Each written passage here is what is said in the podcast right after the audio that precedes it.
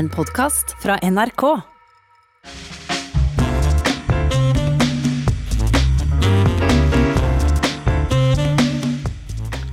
Så skal det handle om Bergen, og selvsagt også om bergenseren. For hva er det med bergenseren, spør eh, professor Morten Hammerborg i det han kaller ei historisk analyse av dette fenomenet. Historieprofessoren finner en nøkkel til forståing i året 1814. Da tapte Bergen kampen om posisjonen som Norges viktigste by, og siden den gang har byen der vest vært foruretta over dette. Den forurettede by kan tidvis rase i avmakt mot sin skjebne, men finne tilflukt i seg selv, er en av dine konklusjoner, Morten Hammerborg. Velkommen. Takk skal du ha. Er det slik det er, den forurettede by som raser i avmakt og finner tilflukt i seg sjøl? Ja, altså, jeg eh, jeg har jo dette forsøket mitt på å tegne et portrett av bergenseren og lage en historisk analyse. Eh, nådd fram til at eh, Altså, det, det ligger en aggresjon i det bergenske. Og i den aggresjonen så inntar Oslo en, eh, en sentral rolle. Som fiende? Og, ja, altså Ja, på én måte. Men altså, det, er jo, det er jo det at Bergen gikk fra å være størst til å bli nest størst. Det er noe av det mest sentrale med med, med, med ideen om Bergen. Og det å være nest størst, det er aldri noe god posisjon? Nei, I hvert fall ikke å bevege seg fra det å være størst til å, å bli nest størst. Og eh, altså det, det, er grunn til at Du nevner jo 1814, og det kaller jeg i boken for Bergens annus horribilis. Eh, for å være litt frekk. Og eh, altså Et eksempel er jo når eh, man på stadion den 16. mai 2014 og spillerne løper ut på, på stadionmatten. Det er dagen før 17. mai 2014, crescendoet for feiringen av 200 år med den norske stat. Byggingen av verdens beste samfunn og verdens beste stat. Og da kommer spillerne ut og møter banneret 200 år er nok. Vi krever egen grunnlov. Og jeg tror ikke du finner en lignende en lignende måte å forholde seg til 200-årsdagen for grunnlovsjubileet noe annet sted i Norge. Og, det, og det, det, nettopp denne, altså denne egenarten som jeg mener ligger i det bergenske, som har pirret min nysgjerrighet, både som historiker og som bergenser, og som har gjort at jeg har begitt meg ut på en jakt etter å prøve å finne en forklaring på dette. Og for de som skulle være noe som helst i tvil når eh, Morten Hammerborg snakker om eh, stadion, så er det selvsagt Brann stadion vi, vi, snakker om. Vel, velkommen også til deg, Trude Drevland. Takk skal du ha. Du er jo rett nok oppvoksen i eh, Melbu i Vesterålen, men vi kjenner deg som en beg begeistra og svært populær bergensordfører. Eh, en eh, tidligere kollega av deg, tidligere bergensordfører Knut Kjønneland, ble i sin tid spurt om det eksistensielle spørsmålet om han trodde på et liv etter døden, og han svarte 'Jeg forestiller meg himmelen som et slags Bergen'. Det mangler ikke for begeistring for egen by der borte? Nei, Er det noe rart at jeg har stortrivdes nå i år, i 40 år i denne byen? Nei, altså I de tid som ordfører så ble Bergen kåra til Europas nest vakreste by. Men da Bergensavisen ringte deg for å gratulere med det strålende resultatet, var din kommentar 'her må det være gjort en feil'. ja, og det er jeg fortsatt helt sikker på. Ja, fordi det er liksom den eneste, det er Bergen. Ja, det er det. Og jeg, og jeg, må jo si at i den analysen som Morten har, eh, har laget, er helt fantastisk. Og den er vidunderlig gjenkjennbar. Og jeg sier bare ja, men det er jo sånn det er, og det er jo helt rett. Vi blir aldri verken nest størst eller nest best. Vi er begeistra, og vi elsker denne byen. Og vi vil ikke høre om noe annet. Men tilbake til deg lange linjene av Morten Hammerborg. Da Norge steg fram som en nasjonalstat etter 1814, ble Oslo, eller Kristiania for å være korrekt, Norges absolutte sentrum, både politisk og økonomisk og kulturelt. Og, og, du har vært inne på at det på en måte var helt ødeleggende for Bergen som selvstendig by. Ja, altså et, et, veldig godt eksempel kan vi finne hos den berømte historikeren Ernst Sars. Eh, som jo eh, observerte dette i sanntid, så å si. Som skriver rundt 1850 at eh, bare, for, bare for, 50 år siden, altså bare noen tiår tidligere, så hadde Bergen vært et så godt som avsluttet rige, skriver han. Men nå, altså i 1855, så er Bergens fremtid gitt. Den skal synke ned til en hørig og lydig provinsby som skal leve av hovedstadens avfall, mens den før var noe for seg selv, noe selvstendig. Dette er proklamasjonen om Og, og, og SARS, som jeg skriver i boken, har jo helt rett. Altså, Bergen er sjanseløs i en slags konkurranse mot hovedstaden, så lenge hovedstaden er den norske stats by. Eh, men på ett punkt så tok SARS feil.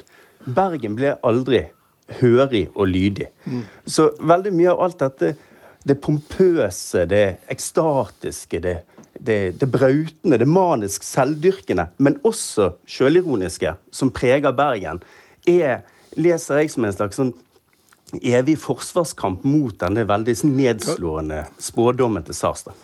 Lyrikeren Georg Johannessen, bysparen bysbarn av, av eh, deg, eh, Hammerborg, og, og, og, samfunnsdebattant, han formulerte det sånn at Bergens historie er 150 års tilbakegang, avbrutt av enkelte katastrofer. Og jeg har lyst til å spørre deg, Trude Drevland, dette med at det bergenske svaret på dette tapet i 1814 har vært en veldig sterk byidentitet og en bystolthet, som vel er et særeige fenomen her i dette landet? Ja, det er altså den entusiasmen og den stoltheten som bergenserne har for Ja, Der tror jeg rett og slett uh, Trude Drevland forsvant uh, for oss uh, på, på si linje. Men la meg rette det til deg, Morten Hammerborg.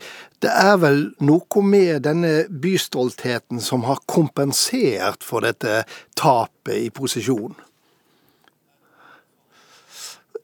Da forsvant også Morten eh, Hammerborg.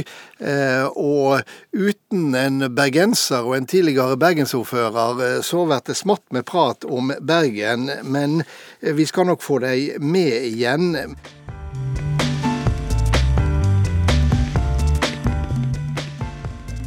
Ja, da er vi tilbake her. Og vi har i hvert fall kontakt med deg igjen, eh, tidligere bergensordfører Trude Drevland. Det var teknikken som spiller oss et puss. Men det vi snakka om da du forsvant, det var jo om denne stoltheten, denne begeistringa for byen. Kanskje kompenserer for dette litt sånn nest størst og, og, og foruretta som historien har, har gjeve Bergen? Ja, uten tvil. Og vi går jo ofte lenger tilbake i historien enn det Morten har gjort i analysen. For jeg blir jo stadig minnet om da vi såkalt var hovedstaden i Bergen, som jo slutta i 1299. Så begeistringen vel, den, den, er der konstant. Og ingen har lyst til til hverdags å tenke på at vi verken er nest størst, eller at vi ligger eh, på et nivå under Oslo. Jeg har lyst til å eh, spørre deg om en ting. Eh, du er jo eh, nordfra, men har bodd nesten hele ditt voksne liv i, i, i Bergen. Og den Tromsø-baserte kommentatoren Egen, Egen Holstad han, han, skrev i sin tid at bergensere er i motsetning til oss i Nord-Norge sykelig opptatt av Oslo. Det er i Bergen at det virkelige Oslo-hatet eksisterer. Er det ei beskrivelse du, du deler? Eh, jeg vil jo kanskje ikke gå så langt som å si Oslo-hat. For jeg tror jo også Morten har vært innom det i sin analyse. at Vi har jo en viss respekt for Oslo som hovedstad. Men la meg se det fra mitt politiske ståsted. Så er det veldig enkelt dersom du kan skylde på Oslo-makten når du er politisk fordi du ikke klarer å få til noe eller det er noe som er problematisk pga. økonomi eller annet. Så det ligger rett under overflaten, og det er konstant eh, tilstand, og det er enkelt å bringe det til overflaten. Det er bare å gjøre et lite forsøk. Ja, og du Morten Hammerborg, som også er med oss igjen. Du er vel inne på det at Oslo og Bergen det er på en måte tese og antitese, for å bruke et sånt språk? Ja, et eget kapittel i boken heter vel 'Oslo og det. Og, dette går langt tilbake. Altså, allerede når vi begynner å få eh, den type aviser som vi kan kjenne igjen i dag på 1830-40-tallet, så skrives det inngående portretter av Bergen og Kristiania, hvor, hvor, man rett og slett framstiller dem som hverandres absolutte motsetning. Og Det som først og fremst kjennetegner Bergen, også i i blikket fra avisene i Oslo, Kristiania, da, eh, er jo det at bergenserne er, er en enhet. Altså de, de, har et sterk identitet, en fellesidentitet, som bergensere som går på tvers av klasse, langt på vei. Um, mens Kristiania derimot alltid skrives fram som en delt by, allerede på 1830-tallet. Grunnleggende delt eh, både fysisk og også eh, nærmest mentalt eh, mellom studentene på universitetet, embetsmennene, kjøpmenn, de rike trelasthandlerne som bor på sine løkker, egentlig ikke nede i byen engang. Og til slutt alle de tilflyttende arbeiderne som havner i utkanten av byen. Mm. Og, og Forklaringen som gis på dette, er jo den veldig forskjellige historien disse byene har hatt i de 700 årene før 1814. Hvor da Bergen har vært denne eh, langvarige, sammenhengende urbane konstruksjonen rundt Vågen eh, i, eh, i, en eh, slags suveren eh, idé om seg sjøl som et hvit stykke Europa, omgitt av barbarer utenfor de syv fjell. Men denne sjølsikkerheten eh, og, og, og, det mer framfusende væremåten som, som dette har skapt, eh, og som ligger nedfelt i bergenseren, det, det, fører vel til at mange ser med en slags eh, skepsis på bergenseren og, og den bergenske væremåte, Trude Drevland? Nei, Altså, det gjør de muligens. Jeg har jo aldri i grunn merket meg det eller brydd meg om det. Og det som er spesielt med bergenserne, gjør jo at til og med østlendinger, og naturligvis nordlendinger som meg, som jo i historien har drevet handel med Bergen, vi trives. Og det har noe med at hvis du bare aksepterer Bergen, så aksepterer bergenserne deg. Og det er jo en praktfull variant av velkomst som gjør at uh, her blir man fordi bergenserne nettopp er de som du beskriver.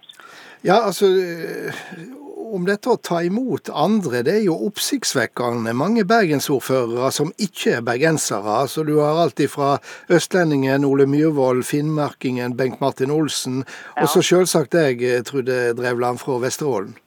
Ja. Og det er jo Altså, jeg, jeg kan ikke tenke meg at det har vært mulig å bli mottatt sånn i noe annen by eller sted i Norge. Og heller ikke at man har holdt på varmen og kjærligheten i forhold til både meg som person, og at jeg aldri kan tenke meg å flytte fra byen. Og det handler jo også om alle tradisjonene og alt det som av folk som ikke vet bedre, beskrives som særegenheter, men som nettopp er Bergen. Det... Og jeg trodde, jo, jeg trodde, jo, en gang at dette skulle dø ut med en viss generasjon. Men denne bergenseren dør altså aldri ut. Det går i arv. Men det har jo en viss sånn eh, skuggeside, dette å vært tatt imot Morten Hammerborg. For eh, vi som er strila, eh, føler oss jo ikke alltid like velkommen i, i Bergen. Og, og, du skriver jo faktisk at bergenserne har også skapt en, sin egen identitet gjennom å se ned på og latterliggjøre sin egen omlandsbefolkning. Ja, absolutt. Jeg måtte vie et kapittel til, til strilene. og og, og, nettopp i studien av å se på hvordan strilene blir framstilt, så får du også øye på dette, eh, dette, dette, fellesskapet. Hvordan det skapes, ideen om bergenseren. Altså, for å ha et, eh, for å ha et oss, eller et vi, så må du ha et de, et, noen andre. Eh, og Strilene utgjorde i lang tid eh, den funksjonen. og Igjen bruker jeg jo da eh, f.eks. Ernst Sars, den senere professor i, i historie, vokser opp som eh, som sønn av embetsmannsforeldre på, på, på Manger, midt på Stridelandet. og når han kommer til byen, så, altså han, i, i klasse så står han milevis over den jevne bergenser. Men pga. Eh, sin dialekt så kan han da bli sett ned på selv den fattigste tjenestejente. Eh, ja. Er, den, er, denne litt sånn overlegne selvsikkerheten ei slags samanbindende kraft, eh, Trude Drevland? Ja, det, det, ligger jo i historien at hvis noen prøver å true Bergen Jeg husker jo, det skriver jo Morten om òg, når de skulle skifte navn på Bergen til Bjørgvin, og, og strilene hadde en rolle i dette. Da skal jeg si det at vi samles. Og jeg tror at det underlige med Bergen og det fantastiske med Bergen er at historien gjentar seg. Mm. Selv om jeg må si at bergensernes forhold til strilene har heldigvis endret seg, slik jeg oppfatter det, slik den bør, i mye mer positive ordelag.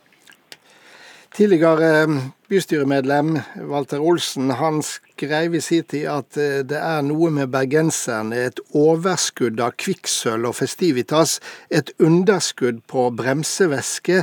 Bergen er til for at bergenserne skal ha en scene å opptre på. Er dette svaret på åpningsspørsmålet, eh, Morten Hammerborg, altså hva det er med bergenseren? Ja, Det er i hvert fall et veldig godt forsøk, Synes jeg. De ordene falt jo i en eh, ganske spesiell situasjon nå, da, med Rolf B. Wegners uh, oppsiktsvekkende tilbakekomst til Bergen. Uh, Politimesteren? Politimester Rolf B. Wegner, som måtte forlate byen fordi han var under politietterforskning for å ha påvirket uh, etterforskningen av den såkalte rådmannssaken. Uh, da, da, da tiltalen mot han ble henlagt etter bevisets stilling, så bestemte han seg for å dra tilbake til Bergen. Eh, det offisielle Bergen og Bergen politikammer ville ikke ha noe med han å gjøre. Og Da, da stilte bl.a. Walter Olsen og en annen selvoppnevnt komité et sånn klassisk absurd bergensteater, hvor de hadde leid, leid en Rolls-Royce som fikk kjøre inn på Flesland med rød løper. Tok de imot Rolf Bevegner, kjørte han til byen der ventet 5000 bergensere på Torgutstikkeren. Eh, han steg ut på ny rød løper, som om det var kongebesøk. Eh, Buekorpstrommer dundret. Eh, Buekorpssabler var hevet i espalier, hvor han gikk ut og hilste og møtte sitt folk. Og så besteg han scenen, eh, holdt tale, og deretter så sang de 5000 bergenserne selvfølgelig nystemten for sin egen politimester. Og etter, etter, den historien, eh, Morten Hammerborg, så står vel orda 'et underskudd av bremsevæske' seg ganske godt. Vi må runde av der, dessverre, hadde jeg nær sagt. Men tusen takk til dere to, Trude Drevland og Morten Hammerborg.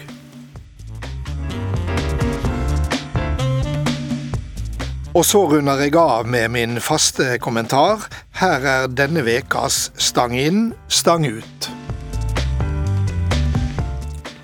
To hendinger den siste tida har på særlig vis minnet oss om den nattsvarte fredagen for snart ti år siden, da terroren ramma et feriestille Norge. Den rammer oss alle, men hardest rammer den AUF-ungdom samla til sumaleir på Utøya. Ungdom som ikke hadde gjort noe annet gale enn å være sammen for å diskutere samfunnsvegen videre mot ei bedre vær. Etter 22. juli sto nasjonen sammen i lovnaden om at terroren ikke skulle få makt over samfunnet vårt. Det har den heller ikke fått. Det viser også diskusjonene som nå går, og som har røtter i det som hendte denne julifredagen. Lenge har det stått strid om et minnesmerke på Utøyakaia. Ei gruppe naboer har kjempa mot med nebb, klør og advokater. De mener minnesmerket vil være ei daglig påminning om en dag det gjør vondt å tenke. Mandag denne veka kom kjennelsen fra Ringerike tingrett. Den avviser søksmålet med grunngjevinga at det som taler for å etablere en slik minnestad, må tillegges større vekt enn de negative virknadene for naboene. Det var nok alt i alt ei fornuftig avgjerd. Ikke av de det er vanskelig å skjøne uroa hos de som skal leve med den påminninga et minnesmerke er, men av de vi trenger nasjonale symbol som minner oss om katastrofen. Handfaste symbol vi alle kan oppsøke for å minnast, og verta påminna om de kreftene som ønsker et annet samfunn enn det demokratiet vi holder oss med. Med tida til hjelp vil det vonleg være råd å legge den oppdrivende striden om dette minnesmerket bak oss.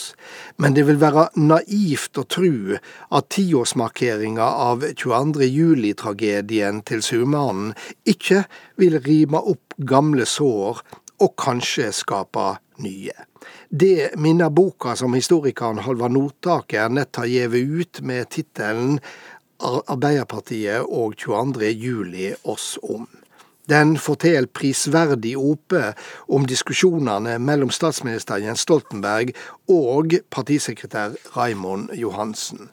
Mens partisekretæren ville vektlegge at angrepet var retta mot AUF og sosialdemokratiet, insisterte statsministeren på at det var hele nasjonen som var råka. De to var samde om målet, nemlig at det var naudsynt med et oppgjør med hatet og ekstremismen, men altså usamde om budskapen. Både striden om minnesmerket og diskusjonen på Youngstorget viser at 22. juli er noe vi ikke kan si oss ferdige med. Snarere tvert om. For det er ennå mange sider av tragedien det ligger noe uforløyst over, og vi bør være forberedt på at mye av dette nå blir sett under debatt. Det kan bli vanskelig, men det er også naudsynt. God helg.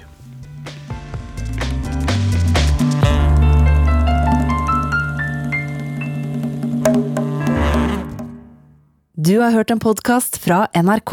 Hør flere podkaster og din NRK-kanal i appen NRK Radio.